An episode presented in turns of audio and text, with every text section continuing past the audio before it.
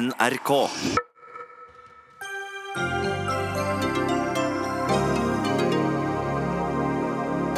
Arbeiderpartiet angriper forretningsmodellen til de rikeste i landet, vil tvinge Rema Reitan og Bjørn Kjos til å ta arbeidsgiveransvar. Oftere enn én gang hver dag tvinger Stortinget gjennom viljen sin og instruerer regjeringen til å gjøre ting den egentlig ikke vil. Problem eller naturlig konsekvens av at vi har en mindretallsregjering. Først står drosjene stille i om lag 45 minutter hver time. Deretter kjører de i 15 minutter, hvorav de bare har passasjerer halvparten av tiden. Er det fordi det er for mange drosjer, eller er det fordi det er rådyrt å ta taxi? Og i dag vedtok politikerne at alle modeller med photoshoppede, snasende kropper i reklame skal avsløres. De skal merkes retusjert.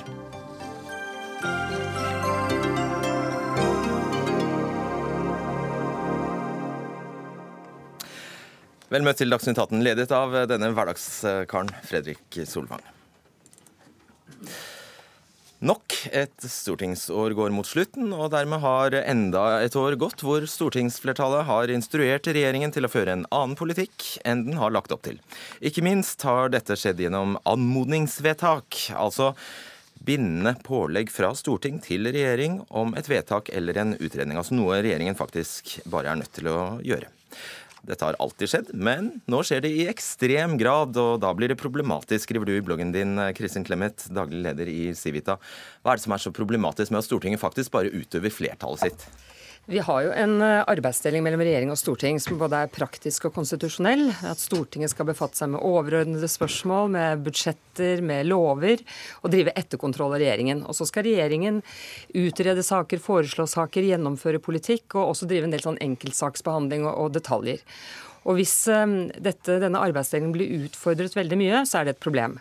Eh, og anmodningsvedtak det er instrukser til regjeringen, og de er ikke noe problem når det er et fåtall av dem.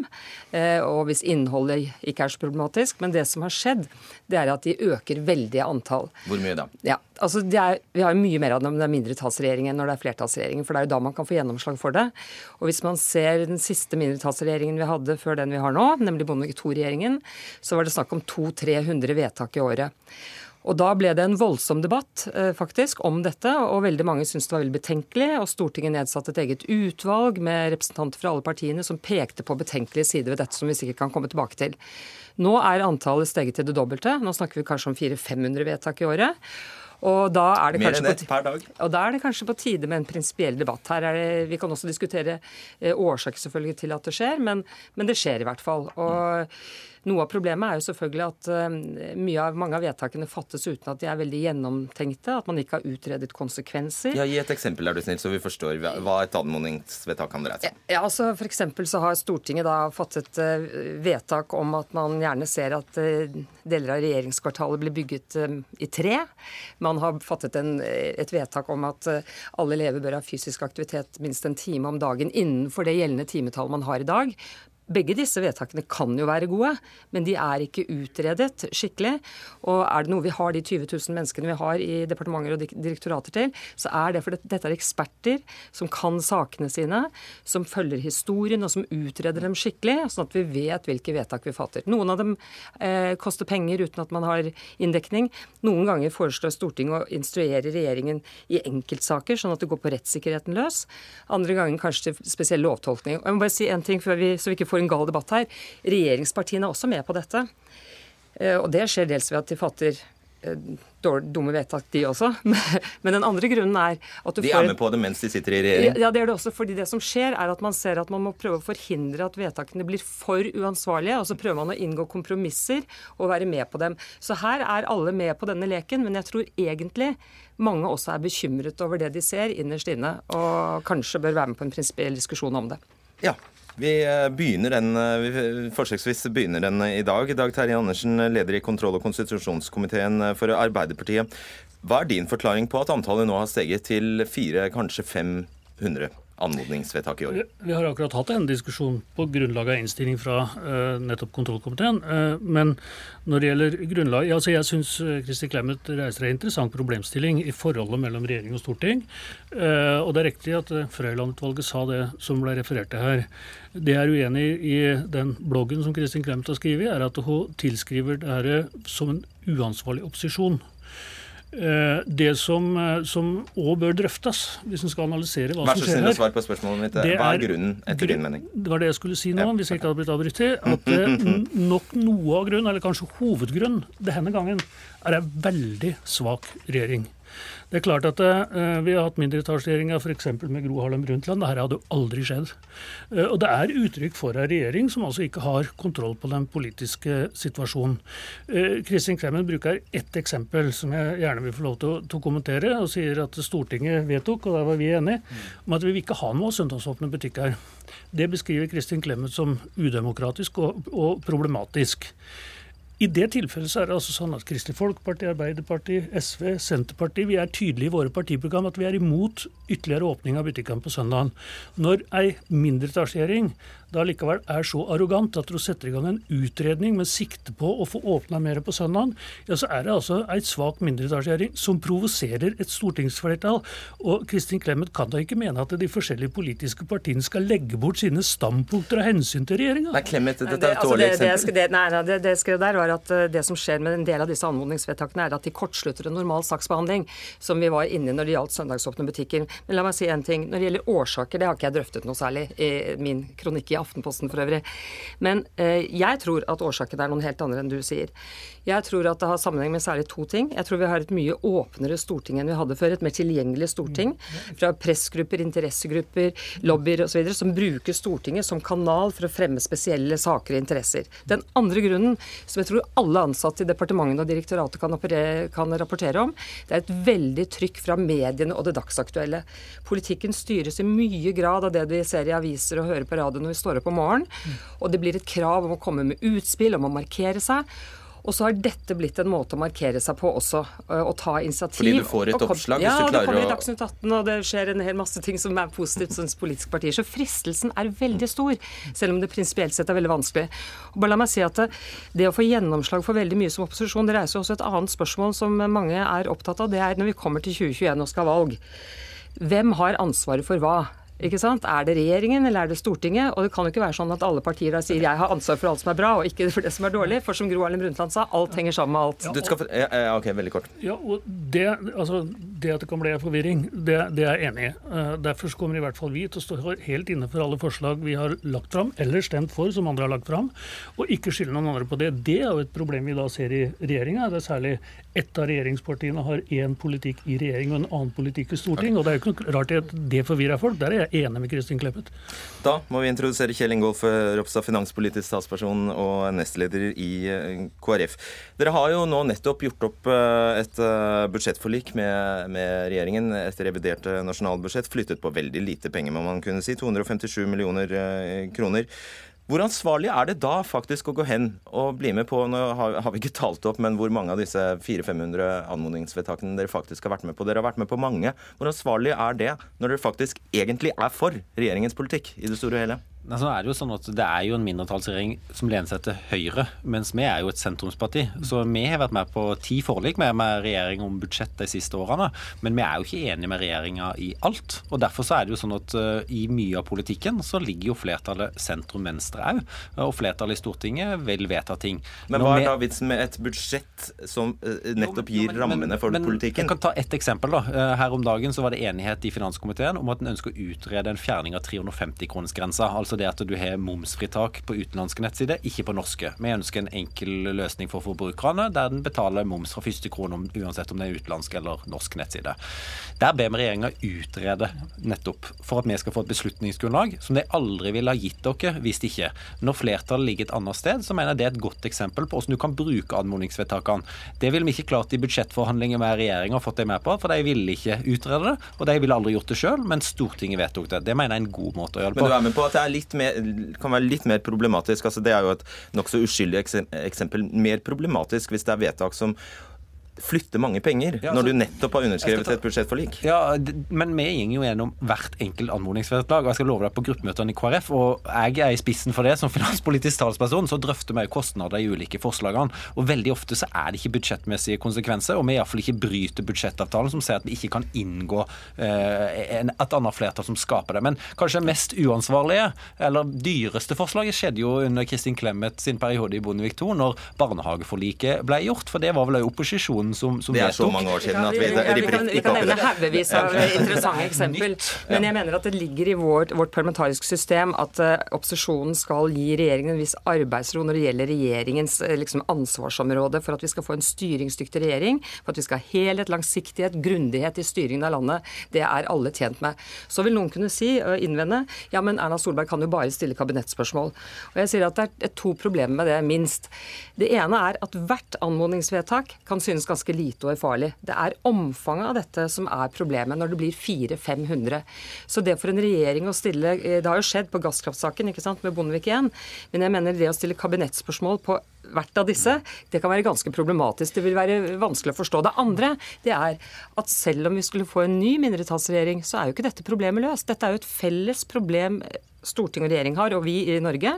Og Derfor så mener jeg at man bør lete etter en diskutere, Kan man finne en handlingsregel for politikerne som alle kunne være enige om, som gjorde at bruken av dette verktøyet ble litt mer moderat? Og dette vil jo komme tilbake som en rekyl. Altså, du vil vel neppe ha en sånn opposisjon som du, du utgjør i dag?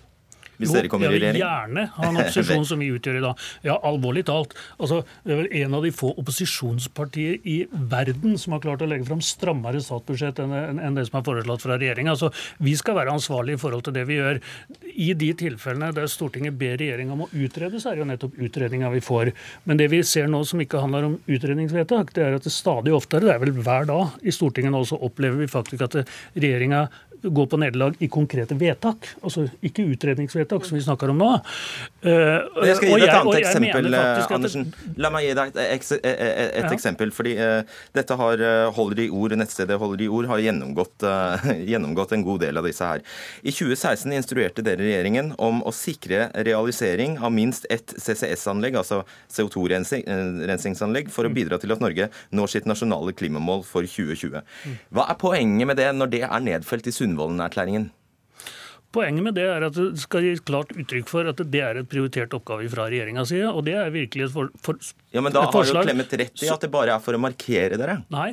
altså Senest i revidert budsjett nå så har takket være KrF blitt styrking av CCS-satsinga via budsjettavtalen. altså Regjeringas var for svak. Der var vi og KrF i forhandlingene faktisk eh, enige. Men, men jeg må altså få lov til å komme tilbake til at eh, ja, du kan diskutere spørsmål, men noen av, av anmodningsvedtakene, det vil jeg òg gjøre. Jeg, jeg syns de finnes verre enn de du brukte som eksempler. Men det er, vi, må, vi kan heller ikke la være å diskutere det at vi faktisk har ei svak regjering som legger fram få saker, og som, at det er noe av årsaken til at vi får en situasjon der Stortinget gir uttrykk for sitt syn når partiene har klare politiske standpunkter. Stortinget har også et ansvar. Jeg kan bare si det at jeg tror jeg kan si med 100% sikkerhet at hvis Arbeiderpartiet kommer i regjering, så vil de ikke være glad for å få 500 anmodningsvedtak mot seg. Heller ikke KrF. Nei. Hele regjeringsapparatet, altså byråkratene, er fortvilet over hvordan dette på en måte griper inn i den hverdagen de har. Vi har altså et av verdens beste embetsverk, som er eh, gode fordi de er faglig sterke, effektive. Får dette noen konsekvens for folk der? Altså anmodningsvedtak Det kan jo hende at vi drepte hele sendingen med, med denne starten. Får dette noen konsek konsekvenser for noen andre enn Stortinget og regjering? Det, Ja, dere altså, det, skal jo, det skal jo gjennomføres. Regjeringen må rapportere tilbake til Stortinget. Men det man ser i andre land, er at den typen vedtak faktisk nesten er forbudt eller utillatelig. Eh, Jeg spår at hvis dette fortsetter, og vi til slutt har 1000 anmodningsvedtak i året uansett regjering, så vanner man ut betydningen av dem, og juristene vil i stadig høyere grad si at de ikke er bindende. Ok, Et eksempel til, Ropstad, på det, det, det, det dere driver med. Eh, Det finnes en sånn tilskuddsordning i eh, Helse- og omsorgsdepartementet, eller som Helse- og omsorgsdepartementet forvalter, for aktivitet for eldre. Det er altså departementet som skal bestemme, dele ut de pengene. Da går altså Stortinget gjennom anmodningsvedtak inn og sier Tjukkasgjengen skal inn i den ordningen. Hvorfor det? Nei, den konkrete der, den kjenner jeg ikke. Og Det er kanskje et godt eksempel på at det kan gå for langt. Nå kjenner ikke jeg den konkret, så jeg vil ikke si at jeg er enig i at eventuelt det går for langt. For jeg er men enig med et tiltak har sikkert tusenvis skal altså inn jo, jo, i men, jo, men, jo, men eh, I budsjettavtalen eksempel, så går en jo veldig langt i sånne type ting. Men det er jo en dialog med regjeringa, og en har ulike bakgrunnsmateriale som ikke nødvendigvis alltid er kjent, eh, som, som en gjeng gjennom. Men, men, men, for meg er jeg er enig i Kristin Clemen at jeg syns ikke det skal skli ut. Men jeg mener at det er et, et selvstendig poeng at dagens regjering den har ikke flertallet bak seg i Stortinget på samme måte som en annen type regjering som ville lent seg mer mot sentrum. Altså Hvis vi går tilbake til Bondevik II, det var mindre sannsynlig at Frp og venstresida kunne danne så mange anmodningsvedtak som det at sentrum og venstre gjenger sammen i viktige saker. Men jeg er enig for politikken sin del, så, være, altså er det veldig viktig at en tenker gjennom hvilke vedtak en fatter og at det er prinsipielle spørsmål. Du har ikke tenkt så veldig mye de, dette jo, året, jo, men, da, hvis det endte med 500? Nei, men vi, vi, vi, jobber med det hvert eneste gruppemøte, og vi stemmer ned okay. veldig mange forslag. Og ofte fremmer et forslag heller om å be om en sak. fordi det, mener det er jo veldig interessant hvis Erna Solberg kan stille kabinettspørsmål på dette forslaget om tjukkasgjengen, og så etter det disponerer Stortinget seg. Jeg har litt liten tro på det. Jeg tror Stortinget er nødt til å drøfte dette på mer prinsipielt grunnlag, og ikke bruke dette i et politisk spill. Du får avslutte, Andersen. Nå hender det nå at det er ganske detaljerte poster, særlig i forbindelse med budsjettbehandling som blir vedtatt i Stortinget, og ikke minst på kulturbudsjettet. Men eh, jeg, jeg syns det er velkomment med en demokratidebatt om forholdet mellom de folkevalgte, som er Stortinget, og regjeringa.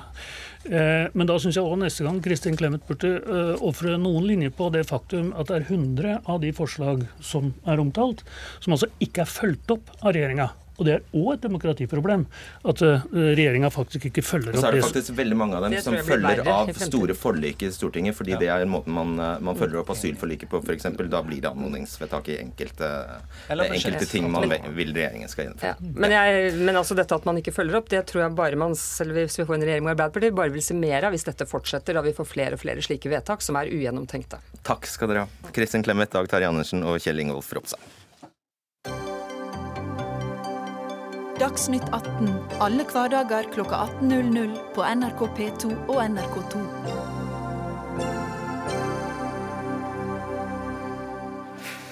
Sånn. Reitan-familien overlater hele arbeidsgiveransvaret til lokale kjøpmenn, og Kjos overlater stadig flere av medarbeiderne sine til bemanningsbyråer, altså Bjørn Kjos. Ja, det sier Arbeiderpartiets nestleder Hadia Tajik til VG i dag som en begrunnelse for hvorfor partiet nå fremmer forslag om å endre den såkalte franchisemodellen. Hun sier også at dette er en del av det hun kaller opprydningsaksjonen i norsk arbeidsliv. Og før vi slipper til Høyre og Arbeiderpartiet her i debatt, skal vi bli litt klokere på denne franchisemodellen. Børge Nilsen, du er franchiserådgiver og var med å starte et Franchiseforeningen, blir kalt for Mister Franchise. Du har jobbet med dette siden 70-tallet og var med på å starte denne modellen i Norge. Forklar, Hva er unikt med franchisemodellen litt kort? Eh, franchisemodellen er et samarbeid mellom to selvstendige næringsdrivende. Eh, hvor da franchisegiveren har et testa, dokumentert, lønnsomt konsept som man gir en franchisetaker eh, gjennom en avtale rettigheten til å etablere og drive lokalt. Mm. Dette er altså et samarbeid mellom to selvstendige næringsdrivende som etter konkurranseloven er, var, er, forbudt, men som i 1990 fikk unntak fra konkurranseloven fordi at det fremmer konkurransen i markedet. Veldig kort, Hva får franchisetakeren igjen for det? Franchisetakeren får et testa, dokumentert lønnsomt konsept som man etablerer i egen regi, for egne penger, for egne midler og på den måten kan skape sin egen arbeidsplass. Det fins tusenvis av nordmenn og andre mennesker som ønsker, resten av verden, og som ønsker å drive sin egen virksomhet, som ikke er gründere, og som ikke er villige til å ta den risikoen som gjør at du skal starte på blanke ark. Du starter med et testa dokumentert lønnsomt konsept, og det eh, har mer enn 550 Rema-kjøpmenn bevist at dette er en god modell. Og dette er jo en internasjonal modell. altså Det er ikke noe vi har funnet på i Norge. Og vi er alle som arbeider seriøst med franchise, enige om at vi trenger en strammere franchiselov eh, i forhold til forholdet mellom franchisegiver og franchisetaker. Men det går jo ikke på ansvaret eh, for deres egen næringsvirksomhet. Som jeg forstår forslaget ja, skal, Det skal vi komme nærmere inn på. Hva er da fordelen for altså, er fordelene helt åpenbare for franchisegiverne? De er jo noen av Norges rikeste eh, personer. Ja, nå er det jo sånn at uh, Odd Reitan starta med å, å, jobbe med to butikker oppe i, i Trøndelag uh, for noen og 30 år siden. Så han var jo ikke rik da han starta. Og han hadde ikke penger, men han fikk 550 kjøpmenn etter hvert til å investere i sitt konsept og skapt Reitan-gruppen. Et konsept som følger veldig bra etiske standarder innenfor franchise. Vi har andre konsepter som ikke er så bra, og som gjerne kunne ha vært litt eh, strengere enn en strammere lovgivning omkring hva franchise er. Og der jobber EU med å tydeliggjøre rammene for det også. Du setter denne modellen arbeidstakerne under press på noe vis? Nei, altså når du har en franchisetaker, så er han sin lokale sjef og arbeidsgiver. Og Det er klart at eh, det er jo frivillig for enhver franchisetaker å være franchisetaker. Det er frivillig for enhver ansatt hos en franchisetaker å, å arbeide der. Og hvis det da blir satt under press, så, så er det ikke riktig. Det skal være vinn-vinn-vinn både for franchisegiveren, eh, franchisetakeren og hans personale. Og det er jo de vi møter i Rema-butikken glade og fornøyde franchisetakere og ansatte som, som, eh, som, gjør det bra, og som trives på sin arbeidsplass og har en lokal sjef. Du, Vi sier tusen takk for at du kunne kaste lys over franchisemodellen for oss, Børge Nilsen. Arild Grande, stortingsrepresentant for eh, Arbeiderpartiet. Hva slags forslag er dette? Hva er det dere foreslår? Det vi foreslår er at det skal bli tydeligere for eh, arbeidstakerne eh, hvem som er eh, sjefen deres, og hvem de på den måten kan fremme sine lønnskrav til, hvem de kan snakke med når de har utfordringer. Og på den måten at vi sikrer at den arbeidslivsmodellen vi har i Norge, hvor du har et tydelig forhold mellom arbeidsgiver og ansatt, det skal ivaretas. Og, og hvem er da reelt sett arbeidsgiver etter deres mening i en sånn modell som Rema har, f.eks.? Ja, I mange franchiser så er det jo sånn at eh, det er morselskapet som sitter og bestemmer vareutvalg, priser, eh, lønnsbetingelser, arbeidstidsbetingelser og sånne ting. Og så er det butikksjefen som egentlig får alle kravene retta mot seg fra arbeidstakerne. Så franchisetakeren, altså butikksjefen, havner jo i en skvis her, hvor han egentlig ikke har noe styringsrett, men eh, blir oppfatta som arbeidsgiver.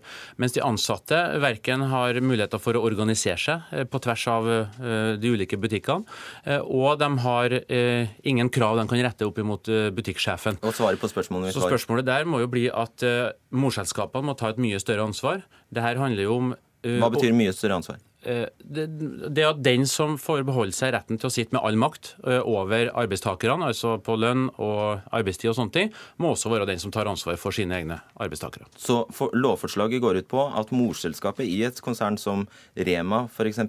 skal tvinges til å bli arbeidsgiver?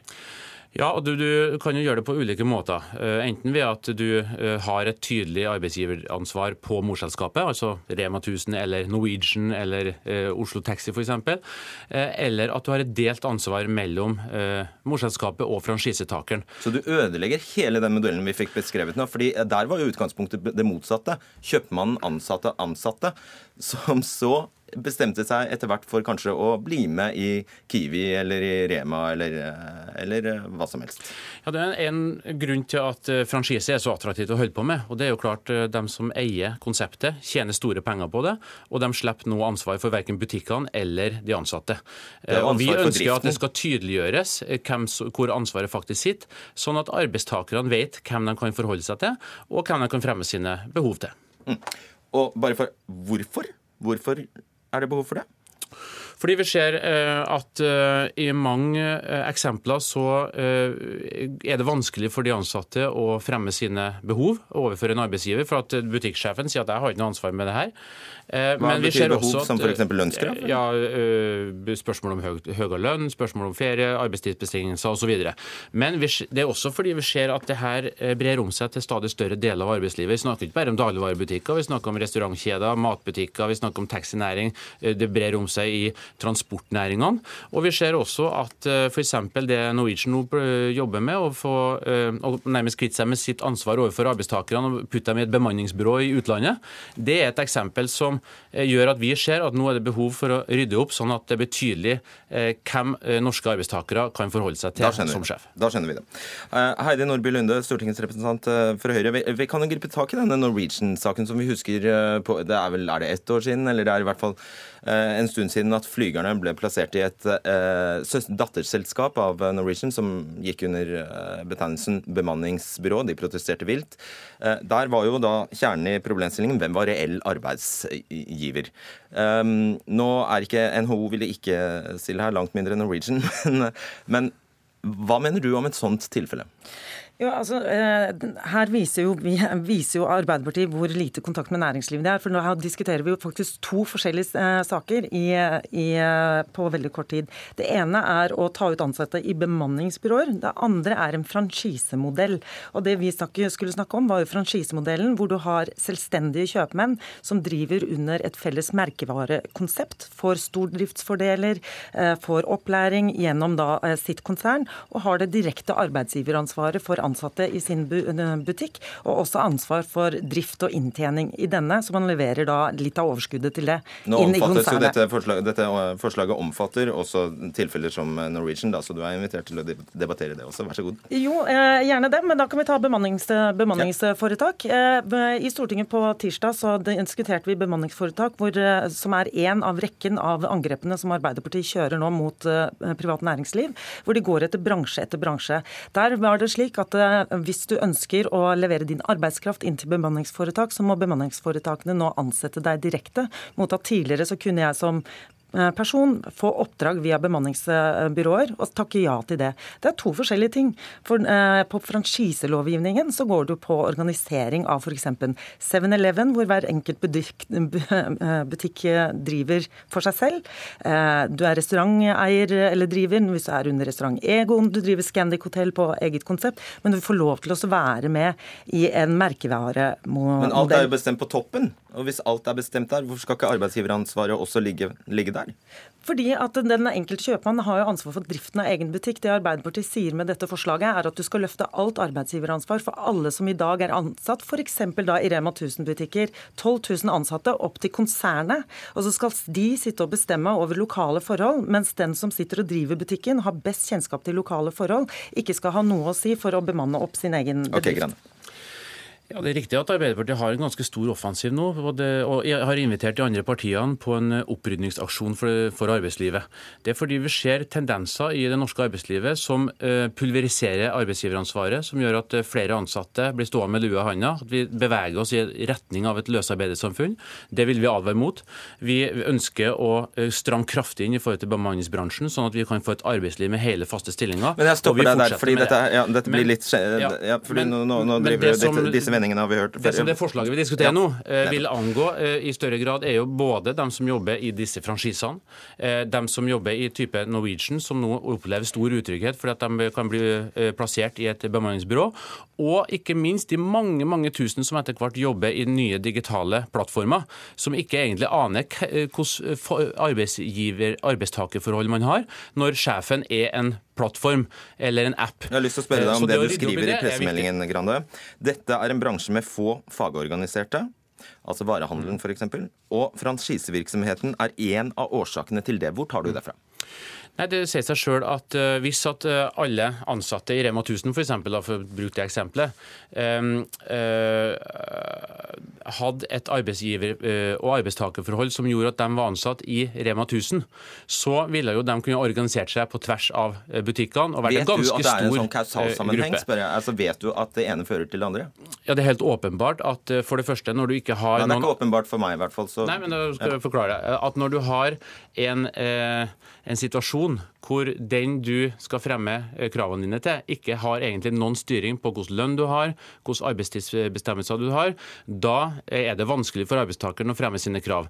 Når du bare kan organisere deg på den enkelte virksomheten, så blir det en ganske liten gruppe. Men de har jo tariffavtaler lokalt? Jo da, tariffavtaler og sånne ting eh, er jo eh, ofte godt, godt ivaretatt.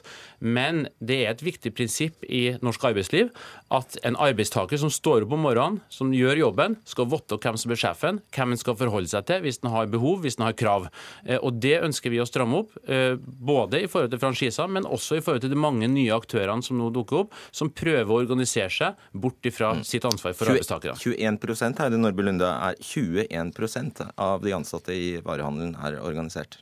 Hva kan det komme av? Det kan komme av f.eks. At, eh, at franchisekontrakten til Rema 1000 pålegger alle franchisetakere å, å følge tariff som minstenorm, som de ser ikke nødvendigheten av å være organisert. Men da har vi nå vært altså innom bemanningsbransjen, franchise og delingsøkonomi i Arild Grandes eh, innlegg, som er tre forskjellige ting som de da vil regulere opp. Og nå må nesten næringslivet våkne, for nå begynner LO og Arbeiderpartiet sammen å angripe deler av næringslivet.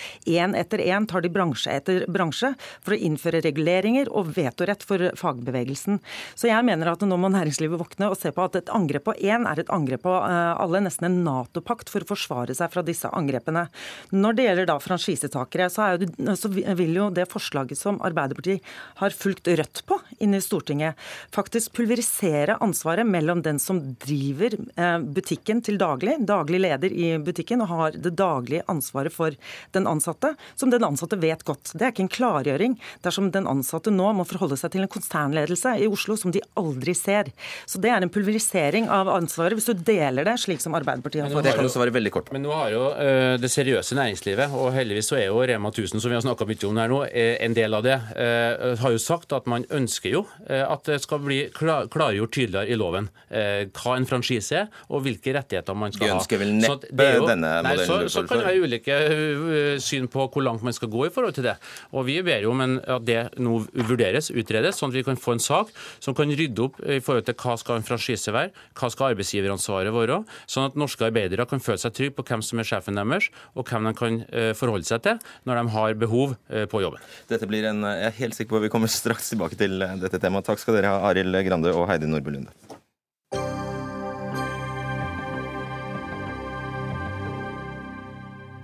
Fra i dag skal polititjenestemenn som f.eks. patruljerer Oslo S, kunne gå med pistol permanent. I dag vedtok nemlig et stort flertall på Stortinget et forslag om såkalt punktbevæpning av politiet. og Det gir politiet anledning til å bære våpen på et spesifikt område uten tidsavgrensning dersom trusselbildet gjør det nødvendig. Og Nå er det politiet selv som skal kunne avgjøre hvilke områder som er sårbare, og om det er nødvendig med en bevæpning uten å måtte be politikerne om lov. Petter eh, Eide, du er stortingsrepresentant eh, for SV. Også i dag har vi jo såkalt, eh, såkalt punktbevæpning, f.eks. på Gardermoen. Så likevel er dere i SV imot det som er vedtatt uh, i dag. Forklar hvorfor. Ja, du, Jeg er selvfølgelig ikke imot at politiet skal få lov til å bruke våpen hvis det er en konkret trusselsituasjon eller et sårbart sted som, hvor det er hensiktsmessig for politiet å bruke våpen. Det er jeg selvfølgelig ikke imot. Uh, det vi er kritisk til, det er at, uh, at politiet skal ha tillatelse til å gjøre dette tidsubegrenset, som de kaller det, permanent. Eh, og at politiet også skal eh, ikke behøve å definere på hva som er det sårbare. Eh, det som, vi har, det som vi går inn for nå, det som vi har gått inn for i dag, det er at ja, vi skal si at politiet kan bære våpen på sårbare områder, men vi skal stille krav om at det skal være tidsavgrenset. Altså Når trusselsituasjonen er over, så skal våpenet låses inn igjen i skapene. Hva hvis politiet da finner at det er en kontinuerlig trussel på Gardermoen? Da vil utfallet av ditt og eh, henholdsvis ditt og stortingsflertallets forslag bli nøyaktig det samme? Nei, jeg tror ikke nødvendigvis det. Fordi eh, vi ønsker et politi som skal håndtere ulike situasjoner med lavest mulig bruk, av, bruk av, av, maktmidler og minst mulig bruk av våpen. Men det er klart det er en situasjon hvor politiet gjennom etterretning og gjennom informasjon har funnet fram til at det er en trusselsituasjon, ja da skal de selvfølgelig ha anledning til å bruke våpen. Når den trusselen er over, så mener vi at våpenet skal, uh, skal uh, tas ja, men Hvis det er en kontinuerlig, kontinuerlig trussel? Ja, men det finnes ikke noe som heter en kontinuerlig trussel. Ja. Det finnes noe som heter sårbare områder, men de områdene områdene, eh, de områdene er veldig uklart definert, sånn som det er nå. Det er ikke en kontinuerlig trussel vi snakker om. Vi snakker om, og det er heller ikke det vi har blitt enige på Stortinget i dag. Det er ikke en kontinuerlig trussel, det er sårbare områder. Og det er jeg kritisk til. En annen Petter her. Petter Frølich, Stortingets representant for Høyre, justispolitisk talsperson. Um, nei, uten det, ja. Det er uten den, ekstra T-en der. Beklager, Peter. Um, det er bra. Uh, dette er jo en slags snikinnføring av generell bevæpning? Nei, det er det ikke. Uh, vi har sittet mange ganger i studio her og er blitt anklaget for å både snikamerikanisere og snikinnføre og snikmilitarisere politiet osv. Men det er det selvfølgelig ikke. Altså, dette er um, rett og slett bare å bruke sunn fornuft, bruke hodet, og si at noen få, men veldig sårbare objekter vil alltid være attraktive terrormål, dessverre. Ser vi tilbake igjen i historien, så er det sånn at togstasjoner, flyplasser, viktige bygninger som f.eks. parlament eller slott osv. vil alltid være attraktive terrormål. Og Det var egentlig det jeg spurte Eide om. Hva, da, vi kan bruke det eksempelet. Mm. Vil, det alltid, vil de da ikke alltid kunne være en sårbarhet, som du kaller det, på Gardermoen f.eks., som gjør at det alltid vil være bevæpnet politi der? Yes, og det er derfor vi ønsker å gjøre dette permanent. Ja, da, er det jo, da er det jo en snikinnføring av generell bevæpning. Ikke generell bevæpning. Jo, på Gardermoen er det det. Nei, ja, det kan du Ja, det, ja. ja. Vi, vi, vil ha fast bevæpnet politi på Gardermoen. Det er hele saken. Men det vi det jeg trodde du snakket om, var Eh, generell bevæpning i hele landet. For det er noe annet. Det er, ikke, det er ikke partiene i nærheten av å vedta. Det har jo vært debatten i alle år. Skal norsk politi gå med våpen uansett? Um, hvor man er i landet, og det skal de altså ikke. Den et annet eksempel. Kan hele, Johan, kan hele Karl Johan da bli et sårbart objekt? Det vil, eh, det vil, defineres som et eh, altså Loven sier at det skal være et objekt. ikke sant? Eh, det skal være en, en, en, et Eh, et, du lager loven, så jeg spør deg. Ja, det skal være et geografisk eh, område, nei, et geografisk punkt, et objekt. Det vil si at en politimester kan ikke begynne å ut, si, legge det eh, vilkåret på strekk og si at plutselig er Karl Johan et objekt. Så det går ikke? Hele Karl Johan kan ikke være et objekt? Et objekt, Eller Finnmarksvidden et objekt. Et objekt er et objekt. Det er et bygg eller et, en plass. Mm eller en plass og hele f.eks. Tøyenparken, der Øyafestivalen eh, arrangeres, det kan defineres som en plass. Ja, men du skal ha veldig gode argumenter for å opprettholde permanent politibevæpning eh, i, i, en park. Men det vi har sagt, er at dette skal Dette, dette er veldig enkelt. Loven er klar på at det er et objekt. Dvs. Si at man kan ikke legge dette på strekk. Og hvis man er i tvil, så er det forarbeider. Og departementet har siste ordet også i, i saken. Okay, ja. det ja, dette illustrerer på en måte problemstillinger rundt denne, denne saken. Vi, eh, vi, ønsker et eh, mest mulig grad av ubevæpnet politi. Politiet skal ha et sivilt preg. Vi skal ha en nær tillit mellom politiet og publikum. Og politiet skal løse oppgavene sine med minst mulig bruk av, av våpen. Og vi vet at uh, hvis politiet får lett lettere tilgang på våpen. Altså Hvis våpenet flyttes fra bilen for eksempel, og over på hofta til polititjenestemennene, ja da vil oppgaver som politiet tidligere normalt løste uten våpen, de vil da lettere bli løst med våpen. Vi har sett utviklingen i Sverige på dette, hvor politiet har blitt mer bevæpnet. og har, Der har det vært mer skyting. Det drepes uh, en person i året pga. dette. Uh, og det er også uh, betydelig andel vådeskudd. Men jeg vil spørre deg om ditt eget forslag, Eide. Ja. Er altså sånn, altså forskjellen er altså tidsbegrepet. Du vil ha tidsavgrensning, det vil ikke stortingsflertallet. Altså, en, kan, du, kan, du, uttrykke større mistillit til eh, politiet eh, egentlig, enn at, ikke, enn at, politiet av alle ikke skulle være i stand til å vurdere om, om det er behov ja, eller ikke? Det er veldig fint og presist spørsmål. Jeg vil si det. Forslaget vårt er, handler om to ting. Det er, Hvis politiet ønsker bevæpning på et bestemt område, en gate eller ved en bygning, så må de kunne dokumentere at dette er en trussel, men òg at det er en trussel. Da har de fått en informasjon om at det kanskje er et eller annet på gang. At det, er, og det er veldig dyktig etterretning nå som gjør at vi avverger ulike typer terrorangrep ved hjelp av veldig god etterretning. Og Da har politiet fått den type informasjon, kanskje gjennom PST, og så sier de ja, ja, da trenger vi våpen, og det kan de få veldig fort. Eh, når de mener at det ikke lenger er en trusselsituasjon rundt det objektet, så er det ikke lenger nødvendig å bruke våpen. Og Det betyr at det å, det å, bruke våpen på områder eh, eh, Hvor tar du dette fra? Er det PST f.eks.? De vil ha generell bevæpning, så de mener at det alltid er en tilstrekkelig trussel på f.eks. Gardermoen til at man kan, ja, bør gå bevæpnet. Eh, argumentene mine hviler ganske mye på det såkalte bevæpningsutvalgets innstilling som kom i fjor. Departementet satte ned en egen arbeidsgruppe for å definere eh, hvordan de ønsket å se på politiets bevæpning i framtiden, og de sier mer eller mindre nøyaktig det jeg sier nå. De sier at eh, det er ikke grunnlag for en generell bevæpning eh, av eh, politiet. Det er heller ikke grunnlag for en, nødvendigvis en generell punktbevæpning. Eh, den må baseres på en informasjon om en trussel. Når den informasjonen ikke er der, ja, da trenger vi ikke lenger våpnene.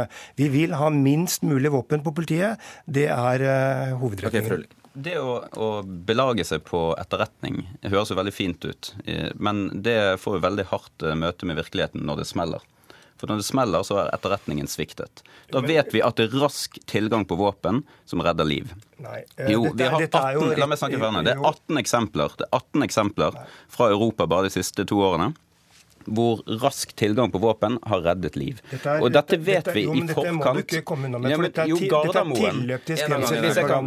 Eh, Nå skal ikke vi bli sånne parodiske politikere som brøler i munnen på hverandre, men, men jeg må bare si at eh, Gardermoen har før vært ubevæpnet. Hvis politiet skulle hente våpen, så ville det ta de 10-15 minutter å hente det frem. Da kan man jo skjønne at liv ville gått tapt dersom det skulle smelle. Så vi sier at noen områder er rett og slett, noen, noen objekter, unnskyld, er så utsatt, er så sårbare, at det er klokt å gi politiet en forhåndsadgang til våpen. For vi vet av erfaring opp gjennom historien at det skjer angrep mot eh, flyplasser. Vi nærmer oss slutten. Eh, Eide, det var egentlig det som var poenget mitt. Når etterretningsorganisasjon, eh, de som driver med etterretning, bl.a. PST, selv sier at vi trenger å være bevæpnet, Ja, så er- er det, virker det merkelig at du vet bedre. Eh, Du, jeg, som sagt, jeg lener meg på informasjon fra landets fremste eksperter som satt i dette bevæpningsutvalget. Eh, Der er det eksperter både på, eh, på motarbeiding av terror.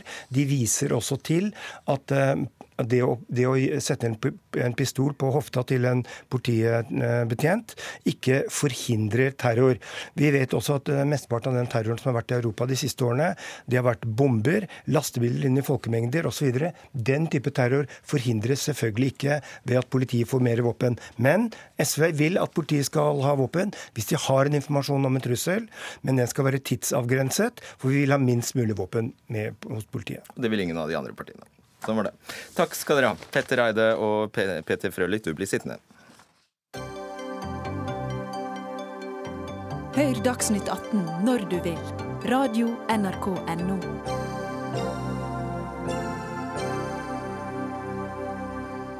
Vi reiser stadig færre kilometer med drosje. Knapt halvparten av tiden drosjesjåførene kjørte i fjor, hadde de passasjerer i bilen. Og omsetningen i taxinæringen fortsetter å falle, viser ferske tall fra Statistisk sentralbyrå. Skal legge til enda en opplysning, og det er av én klokketime så står den drosjen i tre kvarter av eh, timen. Samtidig blir det jo da stadig dyrere å ta drosje. Kan det være en sammenheng her? Nok en gang, Peter Frølik, Frølich, hvorfor er det blitt slik, eh, vil du tro? altså, dette skyldes nok eh, en god blanding av eh, at regelverket for drosjer eh, er blitt utdatert. Det har ikke hengt med i tidens utvikling. Det er kommet ny teknologi, det er kommet andre krav for forbrukerne. Mens vi henger igjen i fortiden når det gjelder reguleringen av drosjenæringen. Så er det nok en del andre ting også som, som skyldes f.eks. høyere avgifter, en del, en del kostnader som har gått opp, og vanlig Kostnadsstigning vil jo alltid gjenspeiles også i prisen. Men jeg tror dette koker ned til at systemet eh, for taxier og reguleringen av det rett og slett hører hjemme en gang på 70- eller 80-tallet og burde vært modernisert for lenge siden. Og så kan jeg legge til hvem sin feil er det? Er det drosjesjåførene sin feil? Hvem, hvem er det som bærer ansvaret? Er det de politikerne som sitter i regjering sin feil? Ansvaret sitter med de. Ansvaret sitter med politikerne eh, over mange år. Ikke bare de som sitter i regjering nå, men også de som har sittet, uh, sittet i regjering før oss. Fordi de har tviholdt på en gammel tanke om at politikerne kan sitte og styre et behov. Eh, sitte og si at eh, person A og person B og person C skal få lov til å drive med taxi, men han og han og han får ikke lov, for det er ikke behov for det. Og med en gang politikere skal inn og styre et sånt marked, ja, til slutt så går det galt. Skjønner. Eh, Sigbjørn Gjelsvik, du er, sitter i finanskomiteen for eh, Senterpartiet. Mm, Det høres jo logisk ut at eh, om drosjene får kjøre når og hvor de vil, så blir det bedre for næringen som hel helhet. Høres logisk ut. Poenget er at den løsning som Frølich her eh, presenterer med liberalisering, det har jo en prøvd. Og de som har gått lengst i Norge i forhold til liberalisering i Oslo, er jo nettopp der de største problemene er. For at når en får overetablering, så fører det til at de drosjene som får problem med oppdrag, de hever prisene sine. Det fører ikke til lavere pris til forbruker. Dernest er Bare en liten ja, eh, Alle er sikkert ikke på det rene med dette, hvordan disse reguleringene er, og hvordan systemet ser ut. Kan du bare kort forklare oss? Blir det, har det blitt flere eller færre løyver som vi snakker om? Ja, I Oslo ble jo det mange flere løyver. Det bidro til Når da? ja, Det gjorde en med den liberaliseringa som skjedde i 1999. Så åpna vi Og etter det?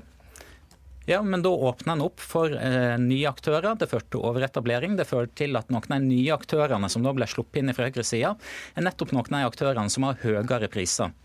Og så Det som er viktig i forhold til Så nå er du er enig i at det er for mange nå? Er du enig i det? Ja, jeg mener jo at nettopp derfor er det viktig at en har et system med løyveordning, med antallsbegrensning. Det som vi må sørge for, er å ivareta kjøreplikta det at du har en drosje når du trenger det. For Drosje er utrolig viktig i folk sin hverdag, enten en skal til lege, om en skal til skole, eller om en skal komme seg trygt hjem om natta. Derfor er det feil medisin å liberalisere. Må opprettholde de kravene som er i forhold til å drive i dag. Kort avklaring trenger bare, altså, har det blitt flere, Blir det flere løyver eh, nå om dagen? Det er blitt utstedt litt flere løyver de siste årene. Eh, men det er helt feil å si at eh, dette er testet ut på en god måte i Oslo. Det man har gjort, er bare å anvende det gamle regelverket man har hatt. Eh, prøvd å, å øke antallet litt, men så lenge de gamle kravene ligger der i bunnen om krav om heltidskjøring, kjøreplikt, taksameter, you name it, så, så vil det til syvende og sist bli et regulert og ødelagt marked. Og, og det, det du egentlig vil, er å bare droppe løyvesystemet? Ikke nødvendigvis, men dette må gjøres på en klokere måte. Vi er nødt til å slippe til nye modeller, andre måter å tenke på. Vi har jo sett noen eksempler på det. F.eks. kom det nettopp noen som ønsket å, å etablere noe som heter Prai. Eh, som kunne kuttet ut eh, drosjesentralene, som er et fordyrende element for veldig mange sjåfører. Eh, og gjøre at både at sjåføren kunne tjene godt, og at kundene kunne betale mindre. Det endte opp med at man forsøker å nærmest politianmelde det, gå til myndighetene for å stanse det. Fordi at det gamle regelverket er så sinnssykt strengt, og endringsviljen bl.a. hos Senterpartiet og andre er så grenseløst stor eller endringsvegringen er så stor at vi kommer ingen vei. Skjønner. Roar eh, Refseth, du er direktør i Norges Taxiforbund. Hva er din hovedanalyse? Hva skyldes denne situasjonen? For du, tallene er jo tydelige. Ja, tallene er tydelige. Eh, jeg tror det er et sammensatt bilde. Vi vet at vi har en, hatt en markedssvikt i 2017 i deler av landet, særlig i Sør-Vestlandet. Der næringslivet har hatt tilbakegang. Det merker vi godt. Vi kan være utsatt for at det lekker over til økt satsing i kollektivtrafikk. Eh, kollektivtrafikken går større deler av døgnet, når vi eh, var den kollektivoperatøren som var alene før. Og ikke minst så ser vi at eh, det er nok en sammenheng mellom hvor vi har nedgangen størst, som er i Oslo, Akershus og i Rogaland, hvor det i dag er en svært omfattende svart virksomhet på taxi, og hvor det har vært en organisert svart virksomhet på taxi i lang tid. Både i form av Uber, som ga seg i oktober i fjor, og nå gjennom gruppa i Facebook. Mm. og Den ene forklaringen som renner alle oss andre i hu, nemlig pris, den nevner du ikke. Nei, jeg gjør ikke nødvendigvis det. Eh, fordi at jeg er ikke så sikker på om pris er det eneste elementet og det riktige svaret på det spørsmålet. Nei. Skal jeg bare forklare hvor mye de har steget, så kan ja. publikum gjøre seg opp en mening om det. Prisene på buss og taxi i Norge steg med over 50% fra 2005 til 2016. Mer enn prisveksten i både EU og resten av Skandinavia. Begrenset antall markedsaktører i kombinasjon med fri prissetting har resultert i økte priser på drosje, skriver SSB. Det skriver SSB, og det har de helt rett i. Og så er det analysen bak det. Kan det eh, da hende at det er, bidrar ja, til å forklare at folk tar mindre taxi? Det kan være med å bidra til å forklare at eh, folk tar mindre taxi. Og så har vi noe også med reguleringer som gjør at du nå har fått en veldig rar sammensetning i taximarkedet, og hvor du har store prisforskjeller i taximarkedet, noe som jeg ikke tror folk er så veldig oppmerksom på. Bare her i Oslo er det en prisforskjell mellom 40 og 50% på rimeligste og dyreste taxisentraler. Samme i Bergen og i andre byer. Eh, er det for mange løyver, det regner jeg med du mener?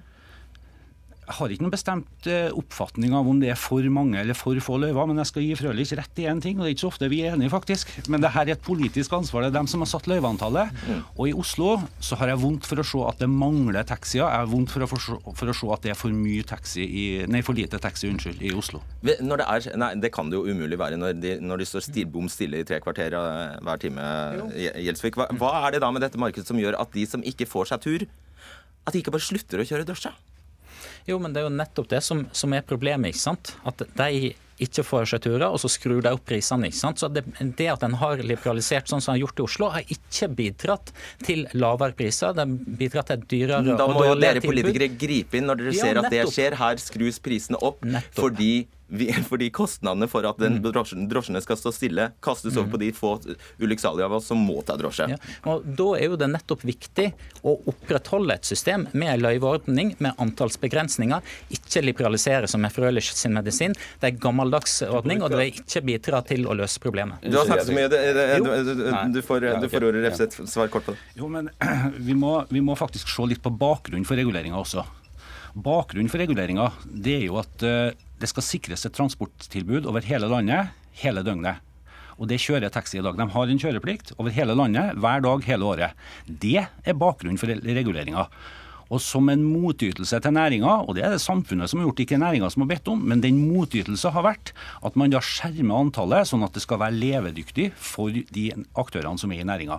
Og hvis man slipper det løs, ja, så, man, så tar man også bort kjøreplikten, selvfølgelig. Og vi snakker jo, vi skal ikke glemme at dette er Vi snakker gjerne om storbyene her, men utnyttelsesgraden, den såkalte, eh, på drosjer i Sogn og, et fylke som Sogn og Fjordane var langt bedre enn i i Oslo. 62,5 føler jeg. Så Ja. du kan kanskje ikke utstede samme resept over hele landet? da? Det kan man ikke nødvendigvis. og Derfor så har jeg tatt til orde for å differensiere. Ha én løsning for distriktene og en annen for storbyene. Og Det tror jeg er helt fornuftig, og det skal vi klare å få til. Men jeg merker at, jeg merker at dette ordet 'liberalisere' blir brukt som et sånn skjellsord. Altså Det det handler om, er jo bare å løse opp et regelverk som har eh, som har eh, stagnert fullstendig. Det har ligget uendret. Jeg tror vi har sittet på kryss og tvers av av regjeringer eh, de siste tiårene og ikke gjort fundamentale endringer i drosjemarkedet. Da kan ingen være overrasket over at teknologien plutselig løper fra eh, systemet. Men det er er så rart å se, høre deg eh, sitte her som representant for et er regjeringsparti fra modernisering. Hvorfor- Det er modernisering. Du, du sitter og skyter på Gjelsvik, som sitter i opposisjon. Nei, jeg skyter ikke. Jeg gjør ikke det. Jeg bare sier at Eller du skylder på han. Nei, han sitter og prøver å, å sette en merkelapp på dette som liberalisering osv. Det handler om modernisering. At vi og bare tilpasser et regelverk som har ligget og støvet ned i altfor lang tid. Og Det er et felles politisk ansvar. Men Senterpartiet ønsker ikke å gjøre noen store endringer. De sitter i en, i en båt som er i ferd med å synke. Og så sier de at alt er greit, og alt må bare fortsette som før. Ja, men Da møtes vi neste år, da. Og så prisene fortsetter å stige, og drosjene står stille. Okay, Dette går ikke. Nei, men, men kjære deg, Frølich. Det det handler om, er at vi må sikre et system i framtida òg, med ei løyveordning og eh, forpliktelser, forpliktelser knytta til ei kjøreplikt, sånn at du sørger for at du har drosje overalt, alltid. Det er en grunnleggende del av Nei, det er jo ikke det Jo, du gjør når du når, når du ønsker å eh, åpne opp for fri konkurranse, åpne opp for å fjerne de krav som i dag er for drosjenæringa, så fører jo det nettopp til at en går inn i, i stedet for der som en ser høyest fortjeneste, istedenfor å sørge for å faktisk gi folk et tilbud, uansett hvor enn en er. Der må vi sette strek. Takk skal dere ha. Eh, Peter Frølich, eh, Roar Refseth og Sigbjørn Gjelsvik.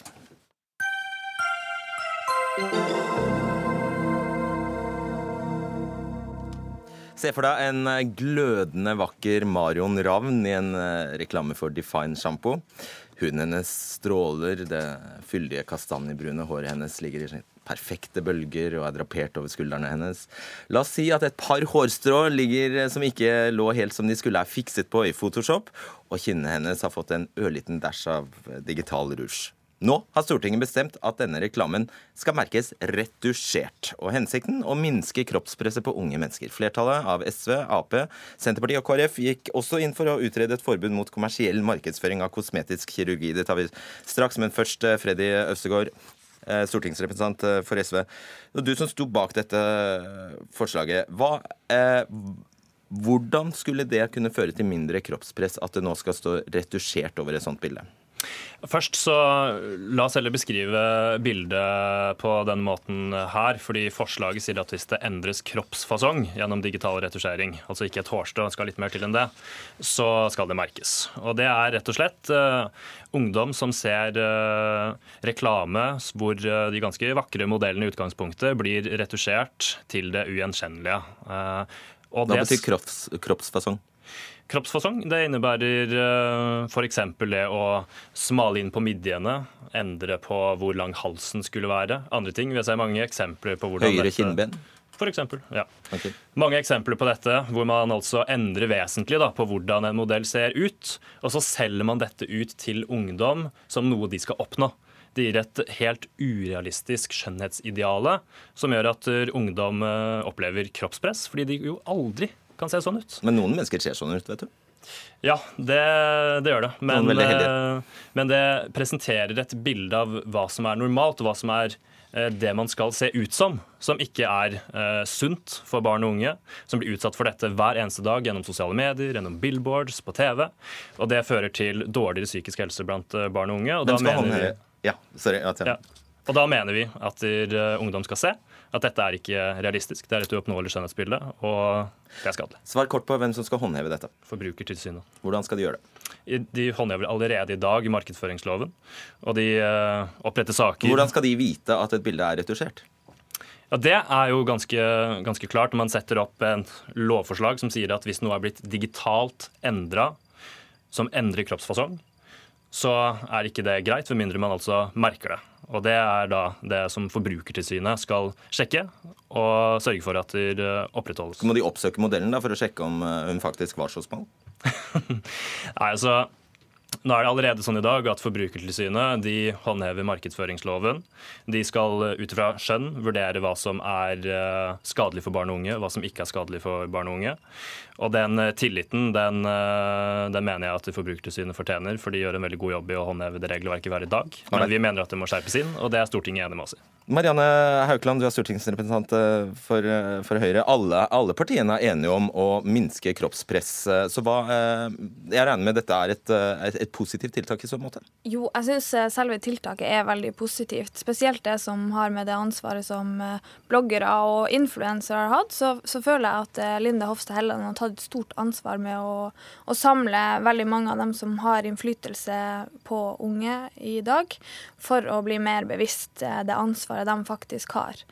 Eh, Men når det kommer til forslagene som foreslås fra SV, så er vi jo, veldig, så er vi jo enige i noe og, og innretninga av det. Men dere presterte å stemme ned dette. altså Dere stemte nei til dette positive forslaget. Eh, Hvis vi var med på de eh, flertallsforslagene som, eh, som kom i, i komiteen, bl.a. det på at vi skal putte det inn i Nei, nå skjønner jeg ingenting. Er dere for eller mot denne, dette forslaget om at man, ikke, man må skrive 'retusjert' hvis man endrer kroppsfasongen i reklame? Vi mener, vi er imot akkurat det forslaget der. Grunnen til at vi er imot det, er fordi at det, det er veldig vanskelig å avgjøre nettopp hva det er som skal merkes. Om du skal merke, hvis, sånn som du nevnte i starten, hvis du har eh, fiksa litt på håret, eller om du skal merke når eh, du har endra på kroppsfasongen. Og det er veldig vanskelig for, eh, for folk å vite hva som skal merkes. eh. Pluss at jeg føler at reklamebransjen har blitt veldig flink på det her de senere årene. Dette har vært et pro stort problem tidligere. I dag så er Hvordan kan du vite det når det ikke merkes i dag? Du aner jo ikke hvilke kropper som er retusjert. Eh, altså, grunnen til at man vet det, er fordi at eh, unger i dag eh, får mye mer retusjerte bilder når de er på Snapchat, Instagram. Her har ikke Forbrukertilsynet noen makt. Men unger som vokser opp i dag, unge folk som bruker de sosiale mediene, er blitt flinke å ta for gitt at ting er retusjert, og får dermed ikke på en måte det kroppspresset av å, av å se retusjerte bilder, for at man okay. tar det egentlig veldig for gitt. Skal du gjøre med utenlandsk reklame? Nei, så Jeg mener at norsk lov skal gjelde i Norge. og jeg synes det er en interessant parallell her er jo Nei, nei, nei, nei, nei det er altfor enkelt. Hva skal du gjøre med reklame for utenlandske produkter som selges i Norge? Reklamen er lagd i utlandet, men går her. Ja, ta, et, eh, ta en sammenligning, da. Eh, Vi har forbud i Norge for å måtte reklamere for tobakk. Vi har forbud i Norge mot å reklamere for alkohol.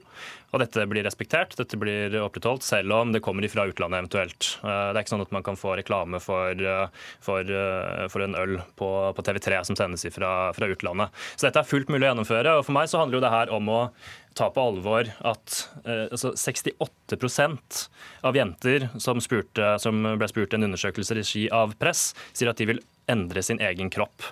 Og 43% av alle ungdommene som svarte, sier at de kjenner på kroppspress i sin egen hverdag. Og ungdom selv peker på reklamebransjen som en av de aller viktigste årsakene til det. Og det, er det som er interessant med, med, med resonnementet fra, fra Haukeland, er nettopp det at ja, altså, mye av dette skjer på sosiale medier osv., men hva er det som har normalisert det? Jo, Reklamen, vil jeg si. Du må få svare nå, fordi vi har lite tid. Ja. Eh, ja, altså eh, Den statistikken som Østegård nevner, at eh, sø- eh, 68 ønsker å endre kroppen sin, det betyr ikke nødvendigvis at eh, 68 har, har lyst til å bruke kosmetiske inngrep for å endre kroppen sin. og at det å på en måte gå ned i vekt på en sunn måte er noe som skjer flere perioder i livet. Jeg føler at han utnytter den statistikken litt feil, og har gjort det både på talerstolen i Stortinget og i, i Men det er da virkelig et problem med kroppspress. Altså, dette er noe mange ungdommer sier. Jeg er helt enig med deg at det er et problem. og Derfor har, vi, har vi lyst til å gjøre noe med det, det kroppspresset vi ser nå blant unge. Og måten vi har lyst til å gjøre det med, er å gjøre de som er forbildene i samfunnet vårt nå, mer bevisst på det influenseransvaret de har, og ikke bruke sin innflytelsesrolle på å presse Ja, et eh, mens reklamebransjen og skjønnhetsindustrien skal altså gå fri. Og dette er altså aktører som tjener milliarder på ungdoms dårlige selvbilde. Da Vi må både jobbe med influenserne, men og om reklameindustrien. Fredrik Solvang eh, takker for eh, følget, og tusen takk til dere også.